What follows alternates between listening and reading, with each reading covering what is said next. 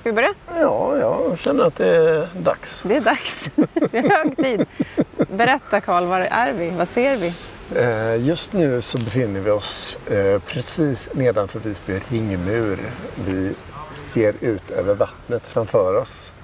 Och vi har en eh, väg framför oss som går där man kommer höra lite röster i bakgrunden med folk som spankulerar, pratar i telefon, fnissar och skrattar med varandra.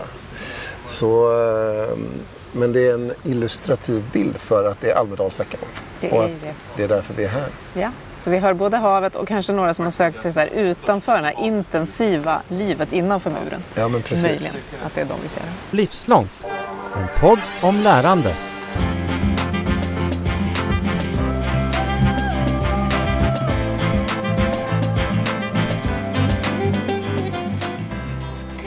Den här platsen då, Almedalen, och platsen både som fysiskt, för det är första gången fysiskt på några år, men också mentalt eller bildligt. Vad betyder den för dig? Du har ju varit här väldigt många gånger. Jag har varit här väldigt många gånger och för mig så är den här platsen en väldigt mångfacetterad plats. Ehm, eh, men det är, en, det är eh, rent fysiskt så är det ju en eh, jättespännande upplevelse att personer med engagemang för samhällsfrågor ifrån så många olika perspektiv är på en ganska ändå liten och begränsad yta och under en rätt lång tid under andra mötesformer än vad som man normalt sett träffas under.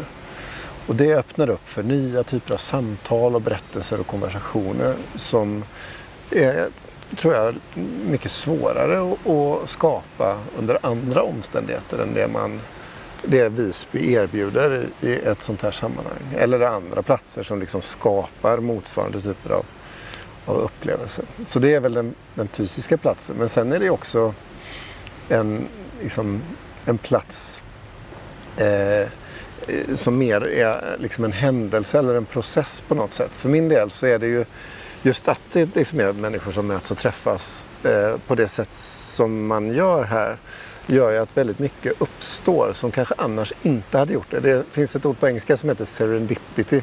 Att det liksom, att det liksom, saker och ting händer av en liksom infalls... Det är bara av en slump eller ett sammanhang och så poff så händer det en grej som leder till en annan och så är det några som möts och så uppstår en idé. Och, och för min egen del, i mycket av det arbete jag har gjort genom åren, innovationsarbete och, och utbildningsarbete, så, så är det faktiskt serendipity just härifrån den här veckan som någonstans ändå har varit fröet till det som sen har grott och blivit någonting.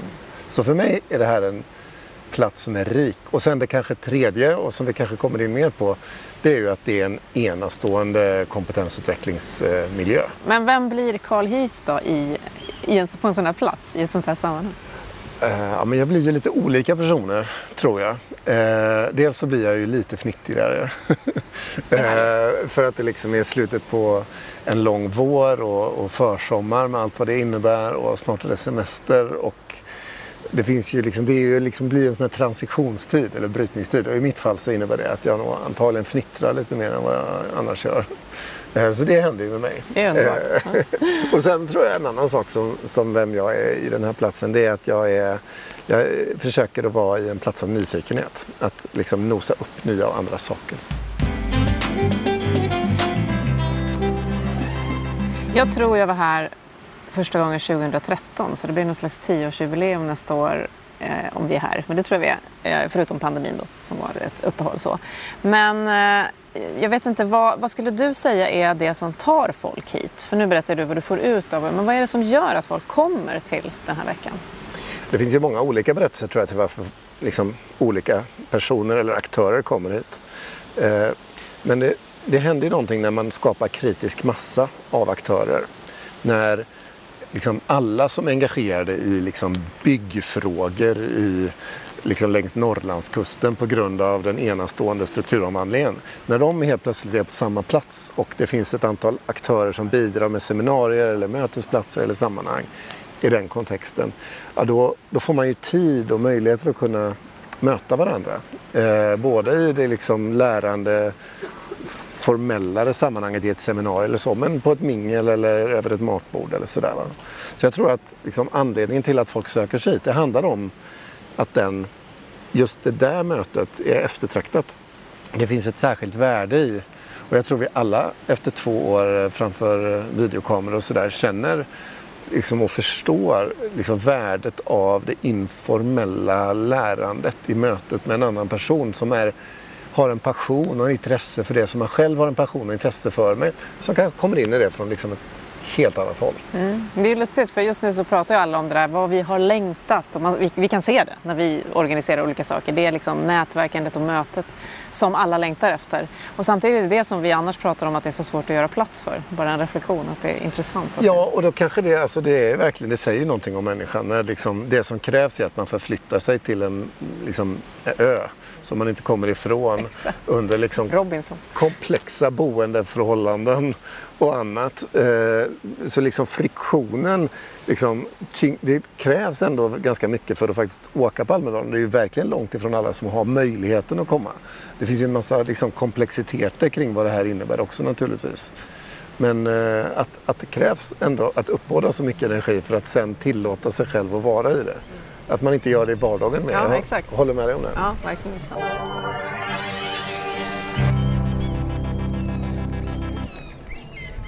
Hejsan, jag kom från podden Livslångt. Eh, Har ni tid att svara på några frågor? Ja, Ja, vad trevligt. Eh, Hur kommer det sig att du kommer till Almedalen? jag eh, är politiker första gången jag var, eller började bli politiker första gången jag tänkte kolla liksom, mingla lite med olika människor. Är det något särskilt du har sett nu så, som är intressant? Många intressanta men just nu jag har inte varit på något konkret seminarier. Jag ska gå lite kolla först eh, läget och därefter bestämmer mig. Du är nybörjare då? Ja, det kan man säga. Om du skulle tipsa någon annan att åka hit utifrån vad du har sett, vad, vad skulle du tycka att de skulle titta på? Hur skulle de, vad skulle de besöka? Oh, det finns allt här, eh, från kultur till eh, miljö och massa olika evenemang som eh, verkligen, hade man tid man skulle ha tittat på och hört på alla. Så alla som kommer hit har ju någon form av uppfattning, även om det är första gången, om vad det är de åker till. Sen kan ju den rubbas säkert mycket. Men om du kommer någon annanstans i världen och ska berätta för någon, well we have this Almedalsvecka. Vad skulle du säga då? Vad är det här? Ja, men det är roligt att du säger det, för jag gjorde faktiskt det bara häromdagen. Eh, för jag går en eh, utbildning på, eh, för Internet Society och i den utbildningen så är det kursdeltagare från precis hela världen. De är från Mexiko, Venezuela och Indonesien och Indien och Palestina och Zimbabwe. Och det är enormt spännande. Så det finns inte en person som kommer ifrån en kultur som liknar den andres. Eh, och så var jag tvungen att förklara eh, att jag var på väg hit till Almedalen. Så jag försökte mig på det här väldigt, väldigt nyligen för den här väldigt mixade gruppen och liksom som kommer från både demokratier och icke-demokratier och sådär. Och då förklarar jag det liksom någonstans som att det är en politisk festival och mötesplats för samhällspolitiskt engagemang och intresse.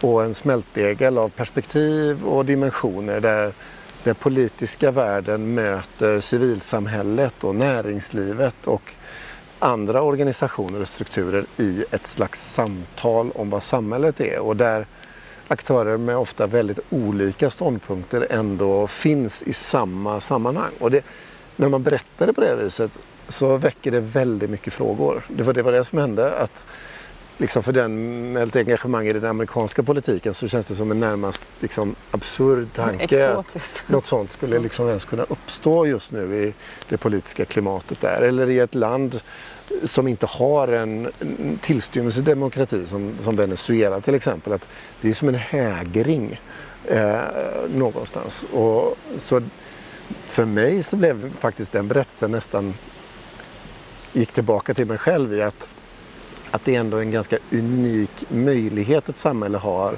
att skapa ett sådant rum. Mm. Att det är något vi som har varit här i tio år tar lite självklart men att det inte alls är det. Sen sa ju du då att det är inte, alla känner sig inte inkluderade i det här. Är det någonting som, som har utvecklats? Det startade ju med Palme som ändå var socialdemokrat och ville ha med alla på en liten provisorisk scen liksom här i Almedalen. Och jag tror devisen var kom, fråga, lyss och trivs sen när de fortsatte med det här. Då. Är det så fortfarande? Är det en ambition att få med fler? Det ska vara något för dem? Ja, men det är det absolut. Eh, och, och det görs väldigt mycket ansträngningar för att göra Almedalen mer inkluderande. Men det finns ju ett antal liksom, praktiska begränsningar med den här platsen som gör den mindre tillgänglig. Eh, själv jobbar jag med projekt eh, kring pers med personer med funktionsvariationer för ett antal år sedan här i Almedalen. Just kring att liksom lyfta frågan kring tillgänglighetsfrågorna i en sån här miljö.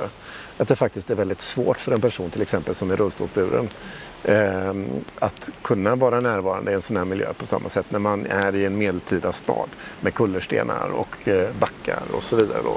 Mm, det bara det. Ja, bara det liksom. Men sen också att eh, även om man naturligtvis webbsänder väldigt mycket härifrån och så vidare så är det ju en plats och den platsen är dyr eh, att vara på under den här veckan. Det, det, är inte alla som har möjlighet på det sättet. Så, så visst finns det en sån diskussion och den har nog funnits under alla år jag har varit här och det görs ansträngningar att möta det på men, men det är naturligtvis en väldigt svår utmaning tror jag för Almedalsveckan själva. Mm.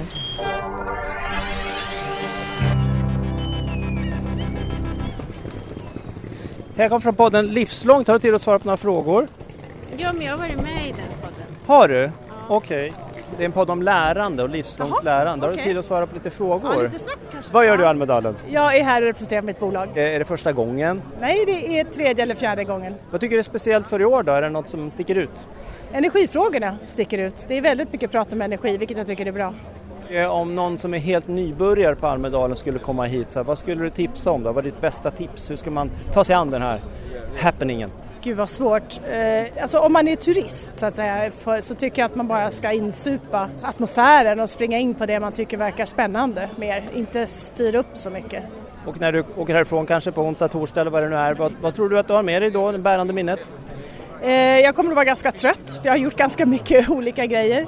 Eh, och förhoppningsvis så har det varit bra möten och intressanta människor som man har träffat och intressanta samtal. Vad sa du? Jag kommer från podden Livslångt. Får jag ställa ja. några frågor? Ja, visst, absolut. Tack så mycket. Eh, vad är speciellt för Almedalen i år? Att det är som en återstart. Det har ju varit, eh, legat i träda under pandemin och det känns verkligen att det finns ett sug hos folk att vilja prata och diskutera med varandra och det är väldigt roligt tycker jag.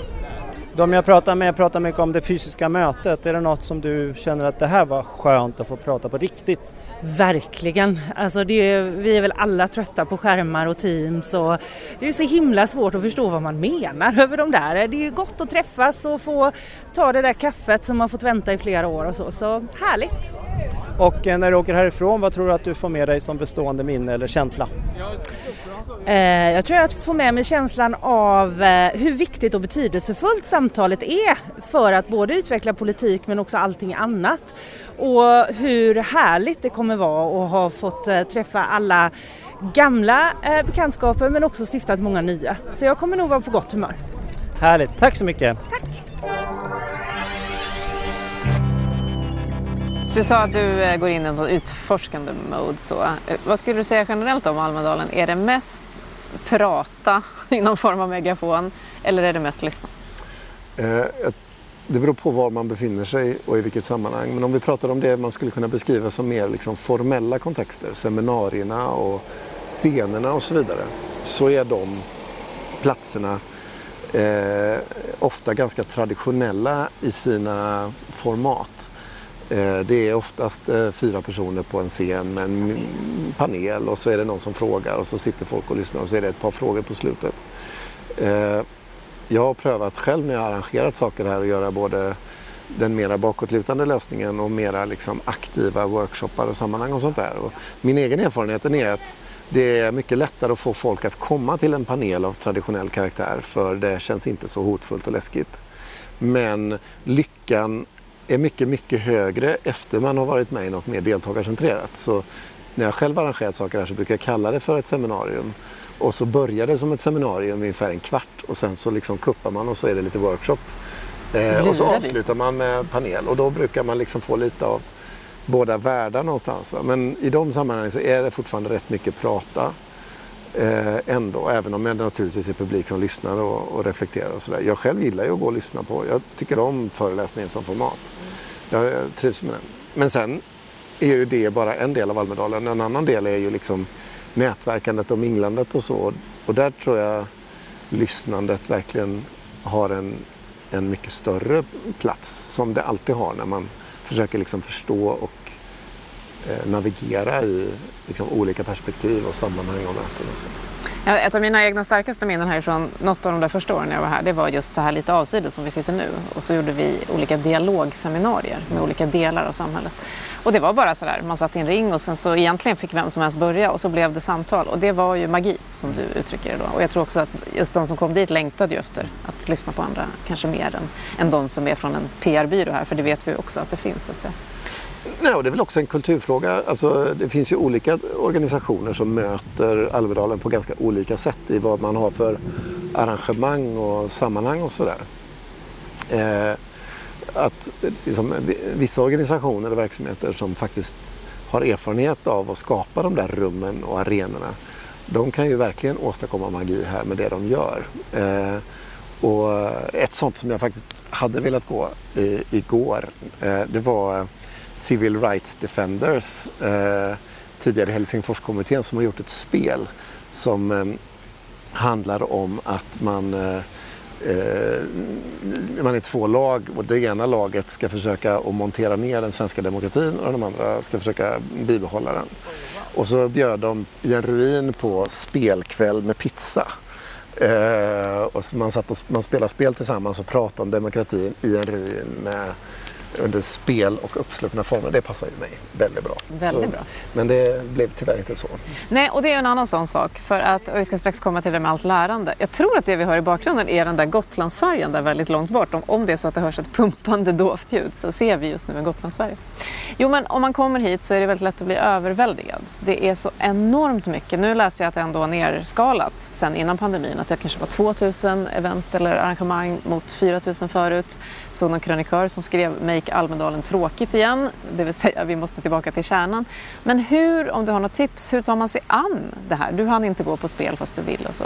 Det är så lätt att få FOMO och bli stressad och så. Hur kan man ja. tänka om man är lite ny almedaling? Om man är en ny almedaling, om man är sugen på att gå 2023 eh, eh, och preppa lite. Dels så ska man ju vara lite förberedd för det är verkligen inte lätt att, med det praktiska med boenden och resor och sådär. Så framförhållning är ju A och O för en bra Almedalsupplevelse.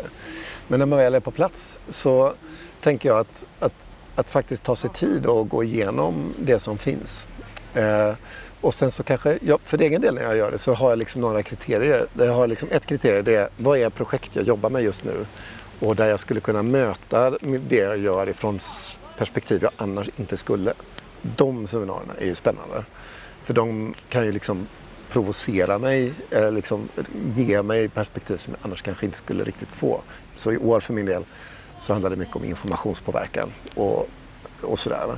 Men sen har jag en annan tradition för mig själv och det är att jag slumpar fram ett seminarium. Jag försöker göra minst ett, kanske två, som jag inte, som jag, jag alltså verkligen så bara håller fingret och pekar ungefär och så blir det vad det blir. Eh, men att tillåta mig själv att liksom vara i något eller några sammanhang som som inte alls hänger ihop med, med det. Och det brukar ofta bli väldigt, väldigt spännande. Så, men att inte, och att ta det lugnt. Att inte packa dagarna fulla. Inte, fast man vill. Fast man vill. Nej, men man glömmer ju av saker då. Ge sig tid att reflektera och tänka mellan sammanhangen. Det är jättesvårt. Men eh, jag eftersträvar att vara en sån. Mm. Ja, jag har också ett sånt, eh, om, det, om jag skulle ha tips så är det just det där att även om du är här för något företag, något jobb kanske, så eh, behöver du också vidga dina vyer så att du inte bara går på plikt, det här vore bra för min roll eller sådär. Nej men precis så va? och det är väl lite det jag försöker göra med att slumpa iväg mig någonstans som är något helt annat liksom. Men även liksom att gå på känsla och nyfikenhet. Mm.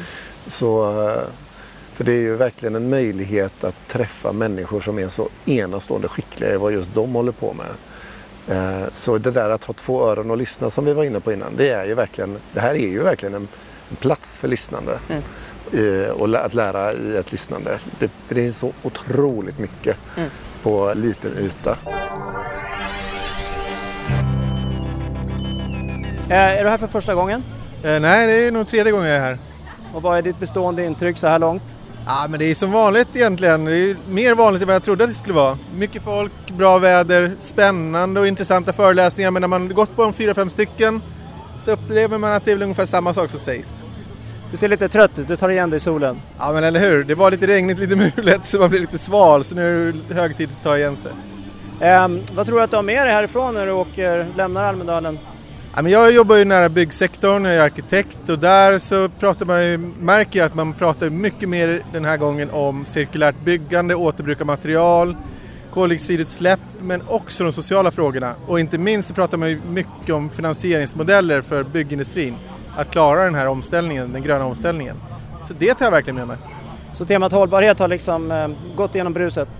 Den har ju, tycker jag, gått igenom bruset även de tidigare åren, men då har det varit på en annan nivå, liksom att vi ska vara hållbara på en övergripande generell nivå.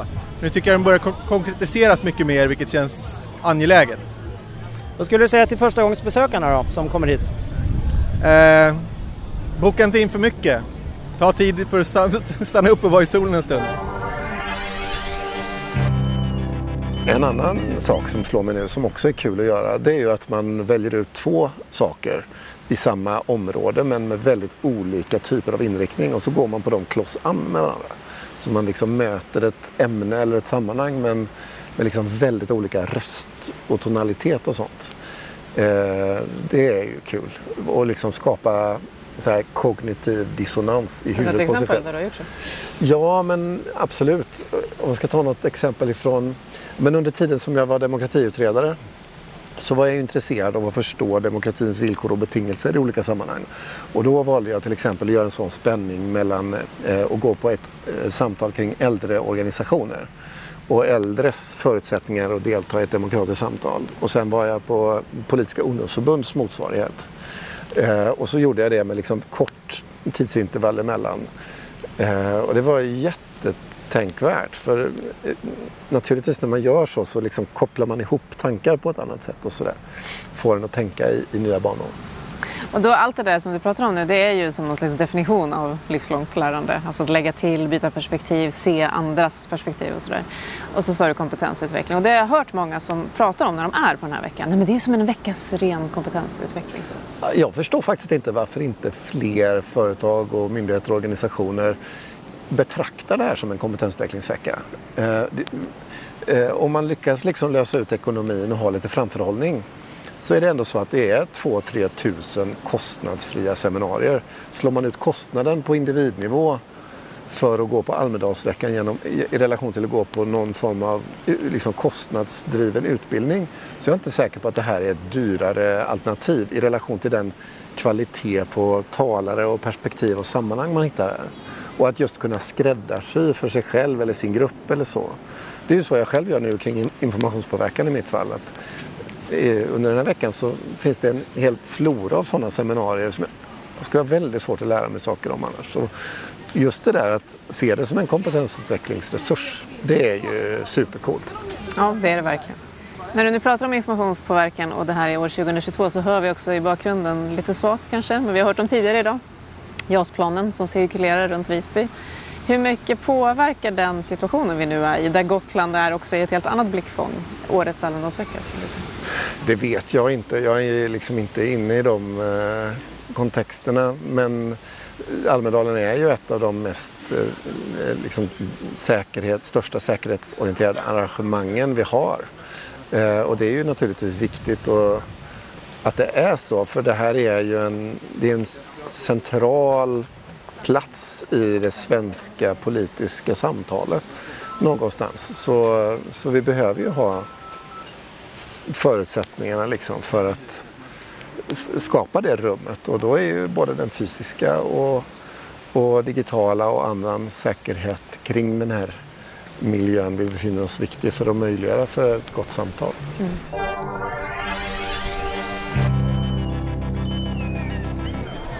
Hej, jag kommer från podden Livslångt. Nej, du vill inte vara med och svara på frågor. Det, det såg jag på dig att du backade. Nej, okej, okay, tack så mycket. Eh, du har fått igång micken här. Då kommer jag från podden Livslångt och framför mig har jag en... Eh, ja, jag är social entreprenör och eh, jobbar med både att ta fram, fram produkter och att hjälpa andra företag att bli mer hållbara. Du är i Almedalen för vilken gång i ordningen? Ja, det här är tredje gången och det har varit lika fint väder alla gånger. Och eh, varför är du här? Jag vill knyta nya kontakter och så vill jag lära mig lite nytt om eh, både hållbarhet och teknik och så. Vad har du med dig hittills då? Det har gått två dagar. Jag har eh, träffat mycket intressanta människor som jag känner att jag ska knyta kontakt med sen. Och eh, när du kommer härifrån, du tar båt eller flyg över till fastlandet antar jag, vad tror du att du har med dig som bestående minne eller känsla, intryck? Ja, först och främst den här härliga känslan av att träffa människor igen. Det är ju så härligt, man, det är verkligen energigivande. Eh, sen så kommer det att ge mig en starkare tro på det här med hållbarhet, att jag tror att eh, vi kan bli starkare tillsammans och att vi verkligen kan göra skillnad. Den energin ger det här mötet. Eh, just hållbarhet och omställning är ju sådana här buzzwords. Är det det som märks i Almedalen i år? Jag vet inte riktigt. Det står ju hållbarhet men det är svårt att verkligen känna människors äkta vilja här. Eh, och hur mycket liksom, greenwashing det är eller hur mycket det är bara att det ser bra ut. Men jag tror att människor vill. Ehm, sen så hur pass djupt det sitter, det är lite svårt att veta. Det får vi se. Tack så mycket. Tack. Okej, då har, nu är det ganska mycket i början på den här veckan. Eh, har du liksom redan noterat eller reflekterat att du har hunnit lära dig någonting? Ja, det har jag. Eh, I morse så eh, eh var jag på ett, eh, en föreläsning och eh, lyssnade på ett samtal mellan olika medier och hur medier tar sig an gränslandet mellan det man då inom eh, i en liksom mera liksom försvars eller statskontext pratar om otillbörlig informationspåverkan. Det vill säga när en statsmakt försöker att manipulera och lura oss till att tro på saker och ting som inte stämmer eller, eller så.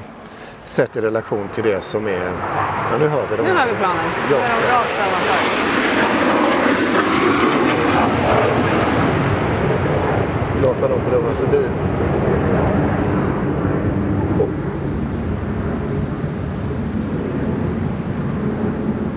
Jo, jag, jag tar det igen. Eh, för vi har ju de här JAS, JAS-planen så jag vet inte riktigt vad som kommer igenom inte. Men i vilket fall som helst så, så i morse så var jag på det här seminariet med, och där jag lyssnade på, på eh, medier som pratade om gränslandet mellan otillbörlig informationspåverkan som är när en eh, annan stat försöker att påverka oss eh, att tro saker och ting som de har ett intresse av att vi ska tro. Eh, på eh, eh liksom ett otillbörligt, ett fult sätt. Eh, dolt och utan att berätta och så vidare. Det är ju en sak, men sen är opinionsbildning någonting som är helt enormt värdefullt för demokratin. Och för att möjliggöra ett bra demokratiskt samtal måste vi kunna tillåta en opinionsbildning med röster som går åt ena och andra hållet. Kommer de igen?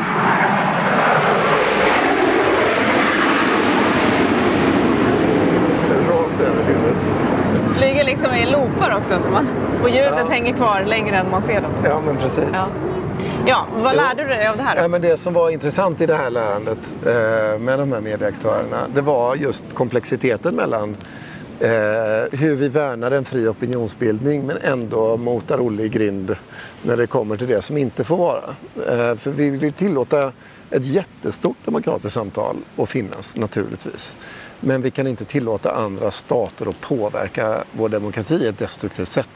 Och just att höra de här medierna resonera kring liksom hur man navigerar det där och hur oerhört komplext och svårt det måste vara på en redaktion. Liksom för just de kunde liksom levandegöra med sina berättelser svårigheterna i så här, ska jag gå ut med den här informationen här och nu så att alla vet? Eller ska jag liksom... Vilket ju ligger nära media. Ja, det vill ut. man ju först mm. ut. Liksom. Men samtidigt, hur vet vi att det är och hur tar vi reda på och så vidare.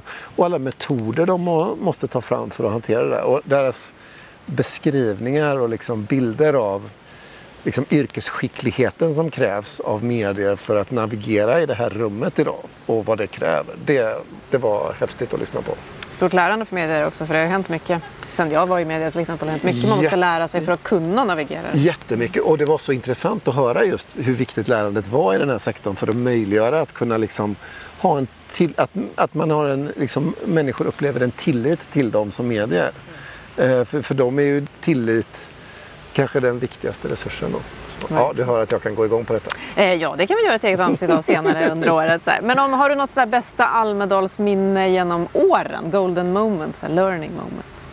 Learning moments? Ja, alltså nu när vi sitter här under ringmuren så är det ju ett som omedelbart kommer till mig. Och det var en organisation som jag inte minns namnet på nu, men som arrangerade eh, promenader längs med ringmuren på ett tema Och sen anmälde man sig och så pusslade de ihop en i par. Och så gick man och pratade med varandra längs med ringmuren och sen efter ett tag så bytte man och pratade med någon annan. Det var ett väldigt häftigt format bara, eh, som jag inte har sett särskilt mycket av annat. Men det var ett sätt att liksom skapa det nära och intima mötet och lyssnandet och pratandet. Det, det var ju det är ett, ett minne jag har, just där vi sitter nu. Ehm, det låter fantastiskt. Ja, det var roligt. Och det låter också som att det inte är tråkigt vi ska göra Almedalen igen som den där krönikören skrev utan det kanske är att fokusera på kärnan och varför det här, allt det här som vi har pratat om nu, varför vi är här mer än de här DJ-battles och rosémingel och så som kanske är nidbilden då. Ja, och, och jag tror att det ligger någonting i att i, i år är Almedalen uppenbarligen mindre. Eh, men när jag har varit och lyssnat till seminarier så är det inte färre personer eh, upplever jag som är på dem utan det kanske är antalet sändare som är lite färre. Men eh, att det ändå är liksom en hygglig... Det är inte tomt i bänkraderna på något sätt. Liksom. Och, och ja, det kanske inte gör så mycket utan att det liksom är de rätt saker. Vad hoppas du åka härifrån med? Jag hoppas åka härifrån med mer insikter i eh, liksom, några ämnesområden som jag har valt ut. Jag hoppas åka härifrån med ett eller annat nytt uppslag på en idé. Och inte minst så hoppas jag på att åka härifrån med att ha upptäckt några nya människor som eh, jag förhoppningsvis hittar på något roligt skoj med längre fram. Det låter som bra ambitioner. Vad kul det var att prata om Almedalen från Palme till nu med dig Carl Heath. Nästa vecka så publicerar vi eh, ett till Almedalsavsnitt med en väldigt cool gäst som också är här just nu och som vi pratar med. Och sen om två veckor är det helt bananas i den här podden. För då, är det? Jag, Vad händer då? Då byter du och jag plats. Det är helt sjukt. Ja, det är sjukt. Missa det... inte det. Nej, det kan bara gå illa. tror jag inte. Det ska bli väldigt kul. Ja, men då går vi ut i vimlet igen då. Det gör vi. Det gör vi. Ha det bra. Hej.